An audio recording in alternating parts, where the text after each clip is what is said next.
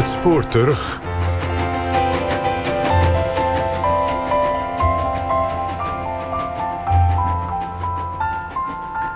Over twee dagen is het precies 110 jaar geleden dat in de tegenwoordige hoofdstad van Bali, Denpasar, de Puputan Badung plaatsvond. De strijd om het einde, het laatste middel van Balinese om niet te hoeven leven onder het juk van de Nederlanders. Over het hoe en waarom is nu te beluisteren in een reconstructie op basis van oorspronkelijke teksten, dagboeken en militaire orders. Een programma samengesteld door Gerard Leenders en gemonteerd met Alfred Koster.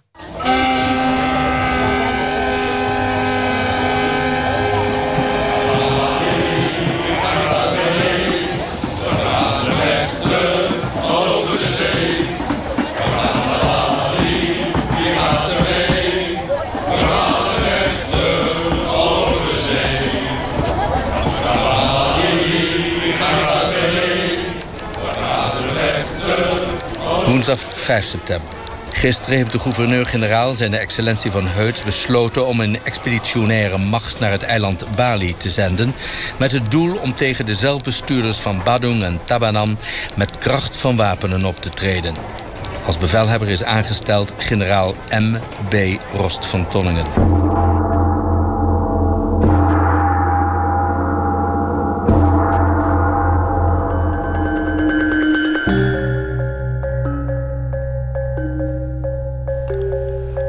En nacht in eenzaamheid te denken. Hoe een man te worden van vandaag.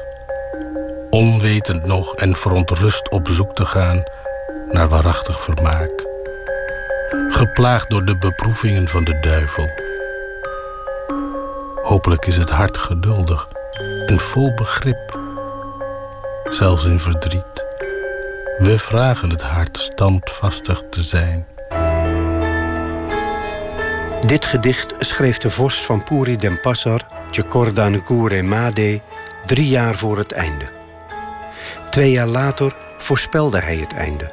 En 110 jaar geleden, op 20 september 1906, vond hij zijn einde. Bloedig. Ik, Made, Raja van Puri Denpasar, koning van Badung, gedood door de Blanda's, de Hollanders tijdens de Puputan Badung. Het gevecht tot het einde.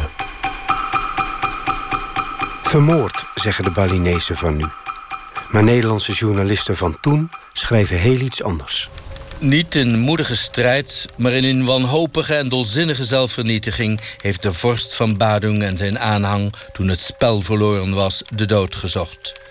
Waar steekt de adel in het karakter van een vorst die, zijn onmacht bekennende, zich ten dode heeft gewijd en zijn volgelingen tot nodeloze zelfopoffering heeft gedreven? Nodeloze zelfopoffering, dolzinnige zelfvernietiging. Wat snapt die journalist nu van mijn, van onze Balische cultuur? En hij is niet de enige. Hoor, de aalmoezenier van de Nederlandse troepen. Het was een oorlog van een hoogmoedige, verwaande vorst. Zie waartoe ijdelheid, roemzucht en dwaze eerzucht leidt. Geen enkele blaam kan onze troepen treffen. Alles wat bij mensenmogelijkheid kon gedaan worden om deze afschuwelijke slachting te voorkomen, is geschied. Die het durft ontkennen, is een lasteraar. De mensen zochten den dood. Een zekere jonkheer Hendrik Maurits van Wede, die als toerist met de militairen was meegereisd, wist niet wat hem overkwam. Die dag heb ik een duidelijk inzicht gekregen in Hindoese begrippen van eer, waarbij de Adat, de Balische vorst, verbiedt zich over te geven aan zijn overwinnaar. Oh ja, en dan was er ook nog die iets wat wereldvreemde Hollandse schilder Wijnand Nieuwenkamp die op Bali was om tegen betaling kunstschatten te verzamelen voor het tegenwoordige Volkenkundig Museum in Leiden. Lieve Anna. Telkens kwamen een honderdtal Baliërs naar buiten, mannen, vrouwen en kinderen. En lieten zich voor het front van de troepen doodschieten. De zelf kwam in volle naad naar buiten en liet zich zo afmaken. Al dus vonden 1800, wat zal de regering voor een getal over zijn? Ten dood. Het was een walgelijke slagpartij. Wijnand. Hoeveel doden precies? Ik, Nouramade, weet het niet. Het kunnen er veel meer geweest zijn. Hoe het ook zij, in Nederland maakte de slachting geen enkele indruk. Mijn eigen schuld, zeiden de kranten en de politici. Alleen de socialist Henry van Kol nam het in de Tweede Kamer voor mij op. Hij ging vrijwillig zijn ondergang tegemoet en heeft daardoor getoond een man van karakter te zijn. Liever wilde hij sterven als een held dan te buigen voor onrecht en geweld. Een heilige plicht blijft op ons rusten om vergeving te vinden voor die vreselijke feiten op de 20 september 1906. Een datum die ik wel zou willen wegwissen uit onze historie. De Poepoetan van 1906 heeft een lange voorgeschiedenis. Vanaf 1846 probeerden de Nederlanders Bali door vier militaire interventies onder controle te krijgen, maar zonder echt resultaat. De Balinezen blijven zich verzetten tegen de overheersing door de Nederlanders en komen gemaakte afspraken bewust niet na. Door het Nederlandse gouvernement wordt daarom een reden gezocht om voor eens en voor altijd met de Balinese vorsten van Zuid-Bali af te rekenen. Uit het algemeen verslag van de chefstaf der expeditie naar Bali. Marinus Ros van Tonningen. Op de 27 mei 1904 strandde bij de Badungse ankerplaats Sanur het onder Nederlandse vlag varende schoenerschip Sri Kumala. Tevergeefs riep de Chinese eigenaar Kwetek Kiang ten hulp van de plaatselijke Pungawa, het hoofd van Sanur, om het schip te bewaken, waartoe hij volgens een contract met de vorst uit 1849 verplicht was. Die nacht kwamen honderden Baliërs aan boord, die de ijzeren geldkist en een grote hoeveelheid Chinese duiten ontvreemden. Meneer de voorzitter, de feiten liggen anders. De Radja verklaarde, en dat is nauwelijks tegengesproken, dat er onmiddellijk na de schipbreuk hulp was gezonden om te redden wat er te redden valt. En dat 5000 Baliërs uit de omgeving hebben gezworen dat geen zeeroof is gepleegd. De Baliërs beschouwen het stranden van een schip als een straf der goden. En het wrak is als een vogel die op hun erf valt. Zij menen daarop recht te hebben. Een geloof dat hier ten lande nog door vele duimbewoners gehuldigd wordt. Maar de stem van de socialist Henry van Kool wordt niet gehoord. De vorst wordt aansprakelijk gesteld en hij moet 3000 rijksdaalders vergoeding betalen. Tjekorda Negura Made weigert te betalen. Aan zijn excellentie de minister van Koloniën, meester De Fok. Van de resident van Bali en Lombok ontving ik het volgende schrijven. 13 maart 1905, geheim. De Raja van Badung blijft in zijn hoogmoedige bekrompenheid hardnekkig weigeren om de opgelegde 3000 rijksdaalders vergoedingen te betalen aan de eigenaar van het schip. Spoedige militaire afrekening met Badung is zeer gewenst. De vermeestering van Badung zal ons zowel op politiek als financieel gebied belangrijke voordelen opleveren. Hoogachtend van Heuts. Maar in de staatscourant van 16 augustus 1905 lezen we... De minister van Kolonie heeft goed gevonden te rapporteren aan de koningin... dat in overeenstemming met de zienswijze van de Raad van Indië en de gouverneur-generaal...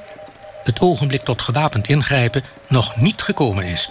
3 oktober 1905. Aan zijn excellentie de minister van Koloniën, meester De Fok. Ons gezag heeft in Badung niets te betekenen. Niets is schadelijker dan het tonen van zwakheid... en het jarenlang volgen van een politiek van onthouding. Militaire expeditie betreur ik, zeker evenzeer als u. Maar een overheid mag tegen dit laatste niet opzien als de vredelievende middelen falen. De Radje moet voelen dat wij feitelijk de meester zijn, wiens beslissing moet gehoorzaamd worden. Hoogachtend van Heuts. De minister van Koloniën geeft gouverneur-generaal Johannes van Heuts hierna toestemming zich harder op te stellen. En dat doet hij.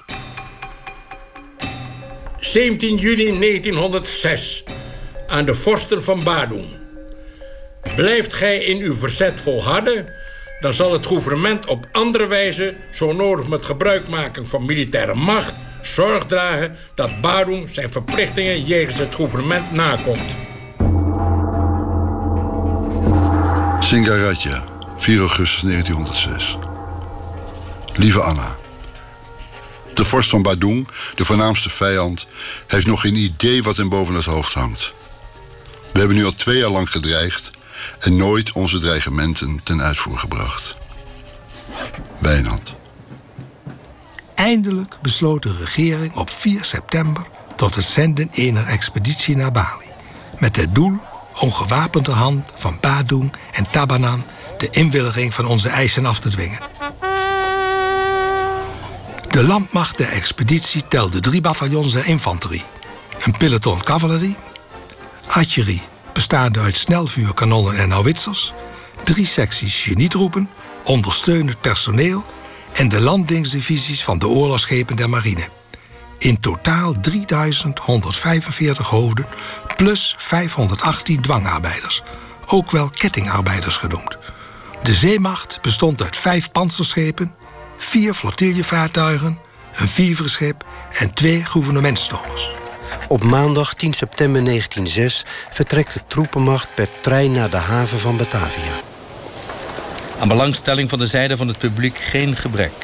Hoera, hoezee, klonk het uit honderden kelen. Slamat Jalan, lekas kombali.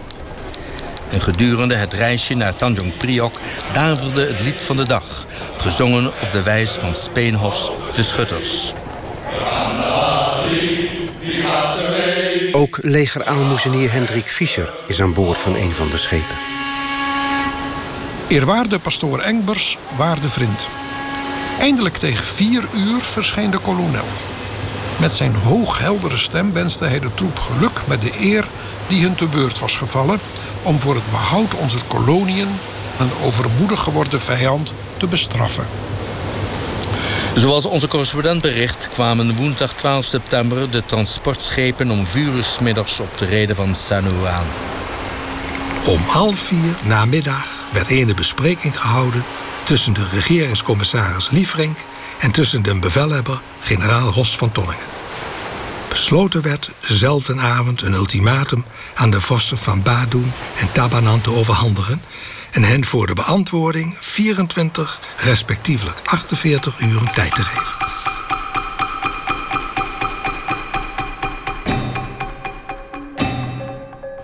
Hoewel het ultimatum een dreigende toon had, bleef ik weigeren te betalen.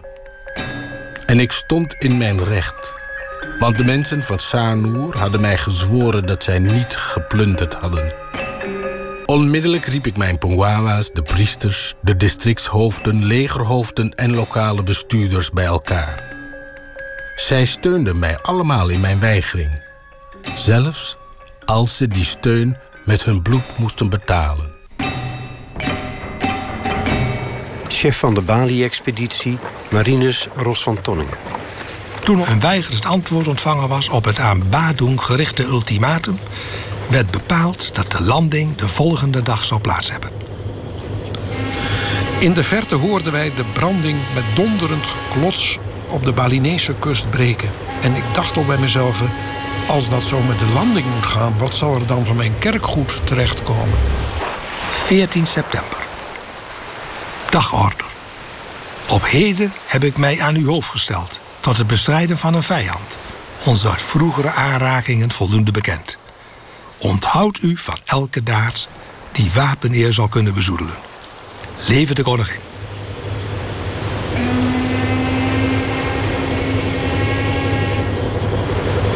Lieve Anne. Schilder Wijnand Nieuwekamp. Om half zes vanochtend is de landing begonnen.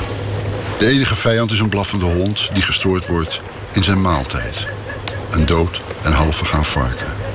Daarna heb ik mij onder de boom op een krukje neergezet en ben de landing gaan tekenen. Op zee veel sloepen. Mannen springen te water. De paarden worden op vlot aan land gebracht. Je Wijnand. Kalme zee, het schip ligt doodstil, helder, prachtige zonneschijn. Met de derde echelon moet ik mee aan land. De ontscheping is in volle gang zonder de minste moeilijkheid. Dus, zo straks, met Gods hulp, vooruit. Hartelijke groeten aan allen en beveel mij aan in alle gebeden.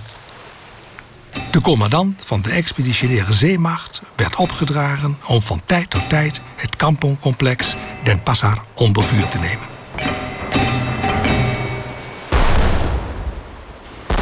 Jonkheer Hendrik Maurits van Weden.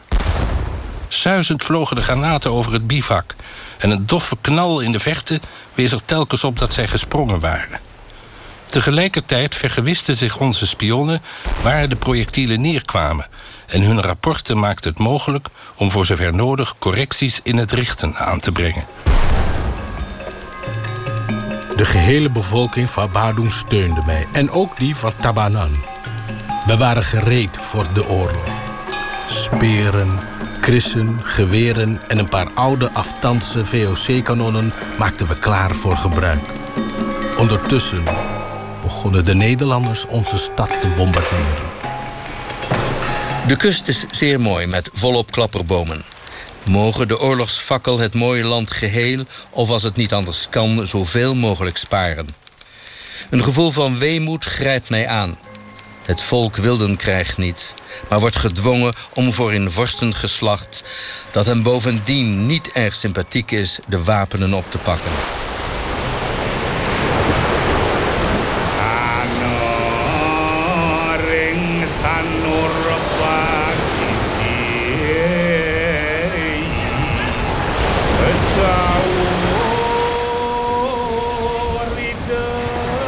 Die nacht verwachtte men een landsaanval. Dicht struikgewas en andere terreinhindernissen die de Baliërs tot dekking hadden kunnen dienen, werden dus zoveel mogelijk uit de weg geruimd. De vijf uren kregen wij van spionnen het bericht dat wij op korte afstand door duizenden Baliërs waren omsingeld, waarvan de meeste met lansen en krissen gewapend. Op ongeveer 200 meter werd hun gehele lijn door ons vuur tot staan gebracht. De arme kerels verkeerden nog in de waan dat ze met hun lansen en hun moed iets vermochten tegen onze moderne geweren. Hoofdplaats, Den Passar, wordt nog steeds druk beschoten. Blijkens een uit Nederlands-Indië ontvangen telegram betreffende de militaire actie op het eiland Bali is de vijand na geringe tegenstand uit het kampongcomplex zuidwest van Den Passar verdreven. 33 doden met hun wapens in onze handen latende. Er zijn reeds drie gewonde Europese militairen. Wij kunnen ons nu nog geen denkbeeld vormen van de mate van tegenstand waarop onze troepen zijn gestuit. 16 september. De expeditiecommandant rukte uit met een troepenmacht om het inschieten van de marine en de houwitsers te verbeteren en tot machtsvertoon. Waarde vriend. Gelijk ik al dacht, heb ik vandaag geen godsdienstoefening kunnen houden. Ik heb de hele dag meegetippeld. Van brevierbidden kwam natuurlijk niets. Naar dorp Sanoer gewandeld. Naar de Benteng. Heiligdom met ingemetselde bordjes, moedwillig vernield. De strijdlust van de Baliërs is niet groot. Van in hardnekkig stand houden tot het uiterste, zoals in vroeger Balische oorlogen is voorgekomen, zal vermoedelijk thans geen sprake zijn. Alles wijst erop dat de Baliër van heden niet meer zo krijgshaftig is als zijn voorvaderen. En met lansen en voorladers is het kwaad vechten tegen repeteergeweren. De 17e en 18e was er rust. Beide dagen begonnen voor officieren en manschappen met een wandeling naar het strand. 18 september. De Howitzer-batterij kreeg opdracht om voorafgaande aan de aanval op de hoofdplaats op onregelmatige tijdstippen in de loop van de dag 216, de volgende dag 200, in de nacht van 19 en 20 september 100 en in de morgen van de 20ste voor 8 uur 60 granaten af te vuren. Ook de marine nam aan dit bombardement deel. Het succes van de beschieting was groot. In de loop van de middag zagen wij zware rookwolken in de richting van de hoofdplaats opstijgen. Meneer de voorzitter, de allesvernielende projectielen vallen als bliksemstralen te midden van poeries en tempels en schieten alles tot gruis en puin. De zwak bewapenden delven wederom het onderspit tegen de moderne bewapening der beschaafde volken.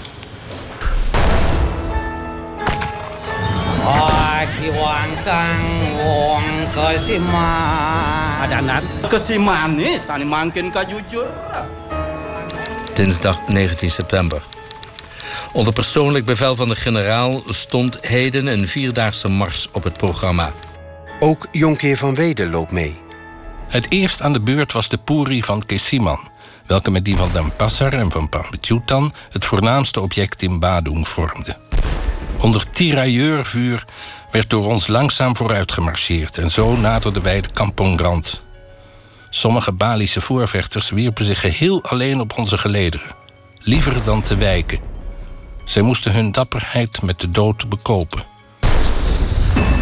Chokorda Ngora Made, koning van Bandung. Op de 19e september, een dag voor het einde, liet ik mijn mensen de vrije keus. Om weg te gaan of om te blijven tot het einde. En de priester ging rond met heilig water om de ziel te zuiveren. En omdat wij vastbesloten waren te vechten tot de dood erop volgt.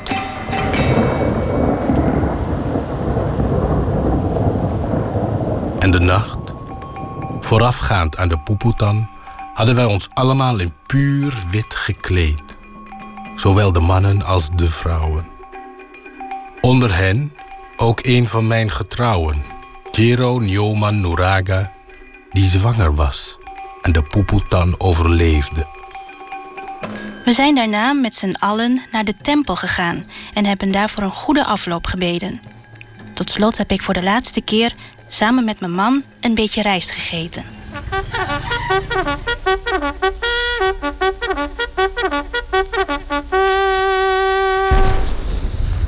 20 september.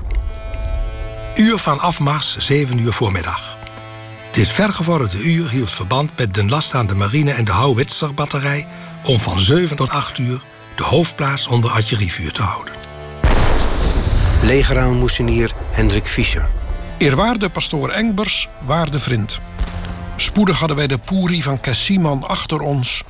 en de troepen rukten voort langs de grote weg. Voor de veiligheid werden de muren van de kampongs omvergehaald... en dat ging al heel leuk. Een aanloopje, hip, hop, hoera. Een Tommy met zijn brede, sterke schouders botste een meter muur omver.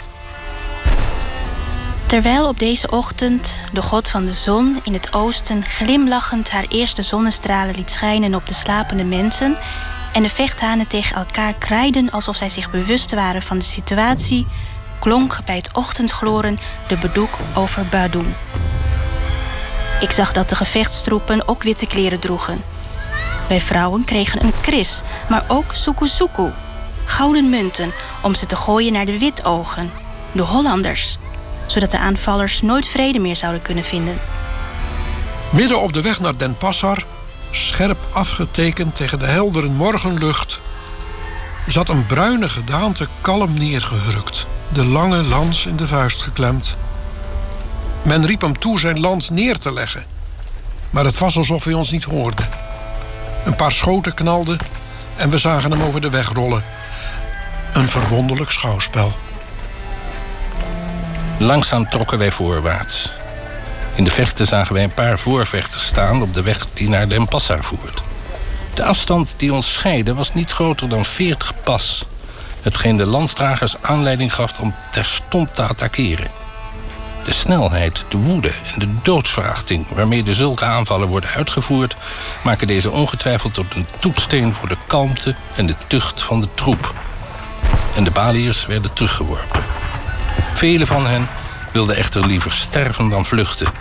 En sommige dier dapperen zag men zich geheel alleen op onze gelederen werpen en sneuvelen. Bij het voortrukken over den weg zag ik de dood voor het eerst in zijn afschuwelijke gedaante. Plassend bloed, mensen met doorschoten benen, met afschuwelijke schouderwonden, liggende in de akeligste houdingen. Opeens in de verte een verschrikkelijk vuur. Door de veldkijker zag ik drommen mensen in het wit gekleed over den weg stormen.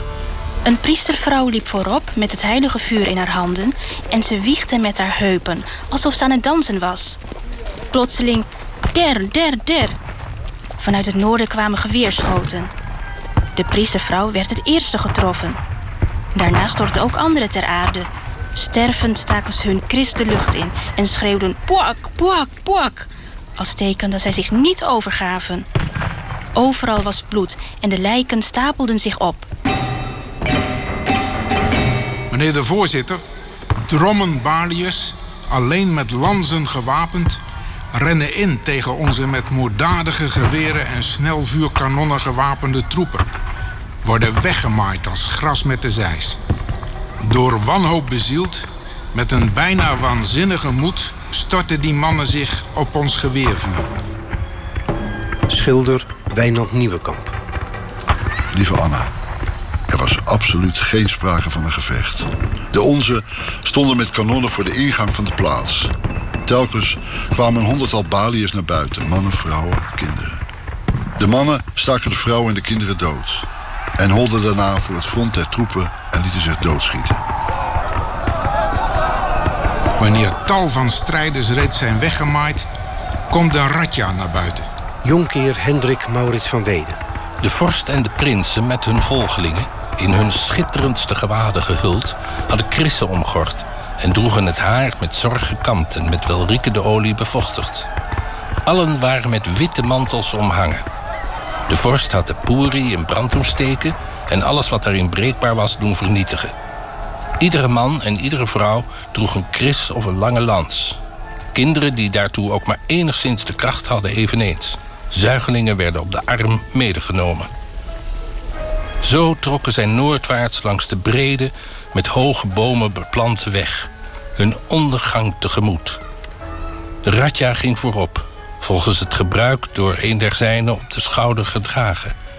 Totdat opeens bij een bocht in de weg de donkere lijn onze infanterie voor hen zichtbaar werd.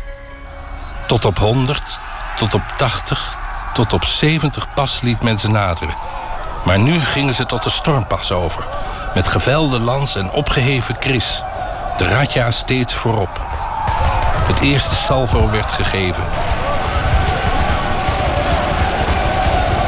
Terwijl zijn strijdmakkers van alle zijden vallen, nadert de vorst, als door een toeval gespaard, tot op 20 meter van de troepen, zonder door een der duizenden kogels getroffen te worden.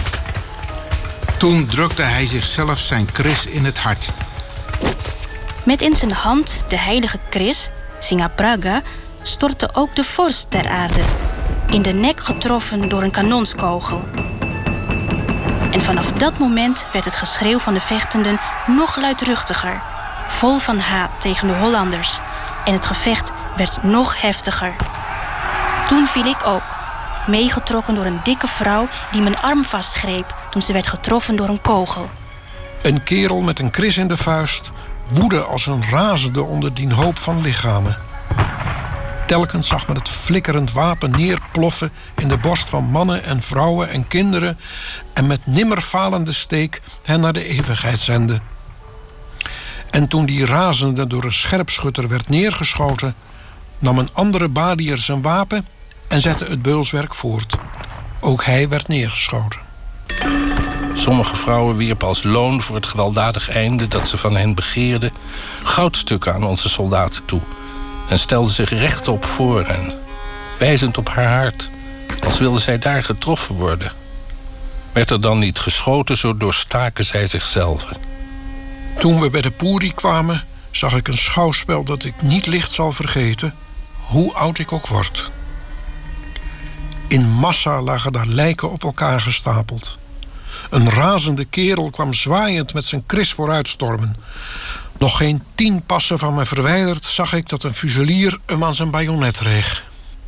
Zolang het ging, trachten de fusiliers zich tegenover de aanvallen der dweepzieke vrouwen tot een defensieve houding te bepalen.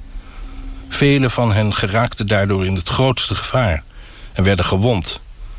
De sergeant der infanterie Bakker moest zijn menslievendheid met het leven betalen. Alles wat bij mensenmogelijkheid kon gedaan worden om deze afschuwelijke slachting te voorkomen, is geschied. Die het durft te ontkennen is een lasteraar.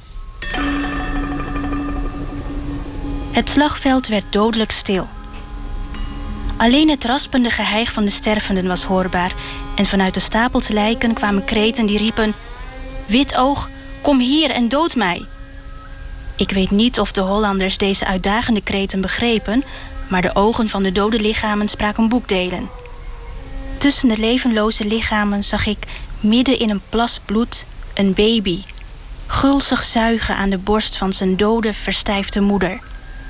Ik bleef emotieloos toekijken.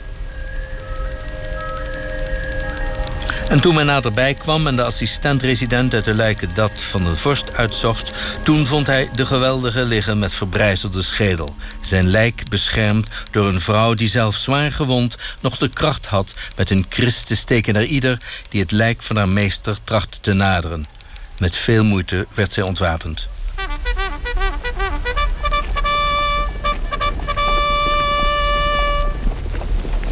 Om 1 uur 35 minuten namiddag werd het volgende bevel gegeven. Het 11e bataljon wenst zich tegen de Puri Pametjutan. Waar weer drommen van mannen, vrouwen en kinderen met de korte lans gewapend, geschaard rond de oude vorst vooruit renden. Daaronder waren vrouwen met zuigelingen op de narren, die geld toewierpen aan de soldaten om gedood te worden, terwijl de vlammen lekten aan de kunstschatten der paleizen. Welk vreselijk tafereel heeft zich daar in die bloedige avond afgespeeld. Toen de zon haar laatste stralen wierp op dit toneel van dood en verwoesting... in het uur dat Badung gevallen is. Geen enkele blaam kan onze troepen treffen... want met weerzin en slechts gedwongen door den bittere nooddwang... schoten zij onder die razenden hoop. Zo eindigden vrijwillig twee vorstengeslachten de keur der Badungse Baliërs, om in de hemel hunner voorvaderen de moed beloond te zien die ze hier op aarde aan de dag hadden gelegd. Stilzwijgend en geroerd stonden onze troepen het schouwspel gade te slaan.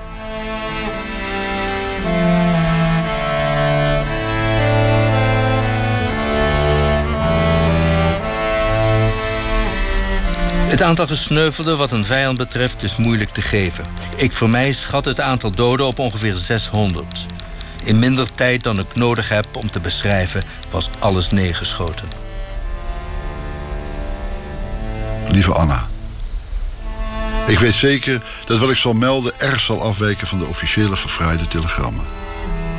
Hoeveel Baliërs dien dachten dood boven schande verkozen, valt moeilijk uit te maken. Maar één ding is zeker. Meer dan de vier doden die wij in de hele veldtocht hebben verloren. Een duidelijk bewijs dat er eigenlijk nooit gevochten is. Het is een walgelijke slagpartij geweest. En vonden er al dus 1800, wat zal de regering voor een getal over zijn, de dood. Van heldenfeiten aan onze zijde geen sprake. En toch zullen er weer lintjes regenen. Dag wijfje, liefs Wijnand. Reeds de volgende dag keerde de bevolking van Den Passa in grote getalen terug. Dat vergemakkelijkte het opruimen der Balische lijken. Hetgeen anders den onze heel wat werk gekost zou hebben. Maandag 24 september. Blijkens een uit Nederlands-Indië ontvangen telegram... zijn de Badungse Puris veroverd en beide vorsten met Pungawa's, vrouwen, kinderen... ten getale van ongeveer 400 bij een Puputan gesneuveld. Onzerzijds zijn bij de gevechten gesneuveld vier Europese mindere militairen... en gewond één officier en negen Europese militairen beneden die rang.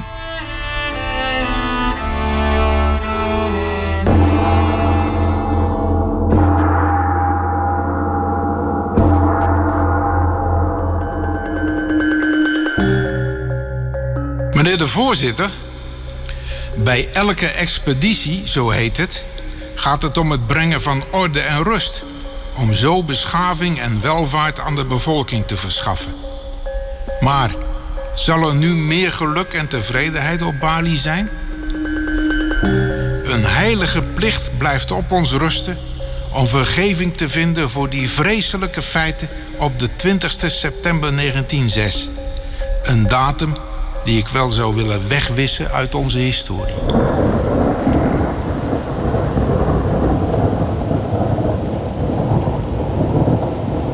Wilhelmus van Nassau ziet gij dien heldenstoet. Zij schoten op de vrouwen en drenkten het land met bloed. Maar diep van binnen blijven we bidden. Voor mijn land, mijn nazaten, mijn volk. En dat het niet voor niets is geweest.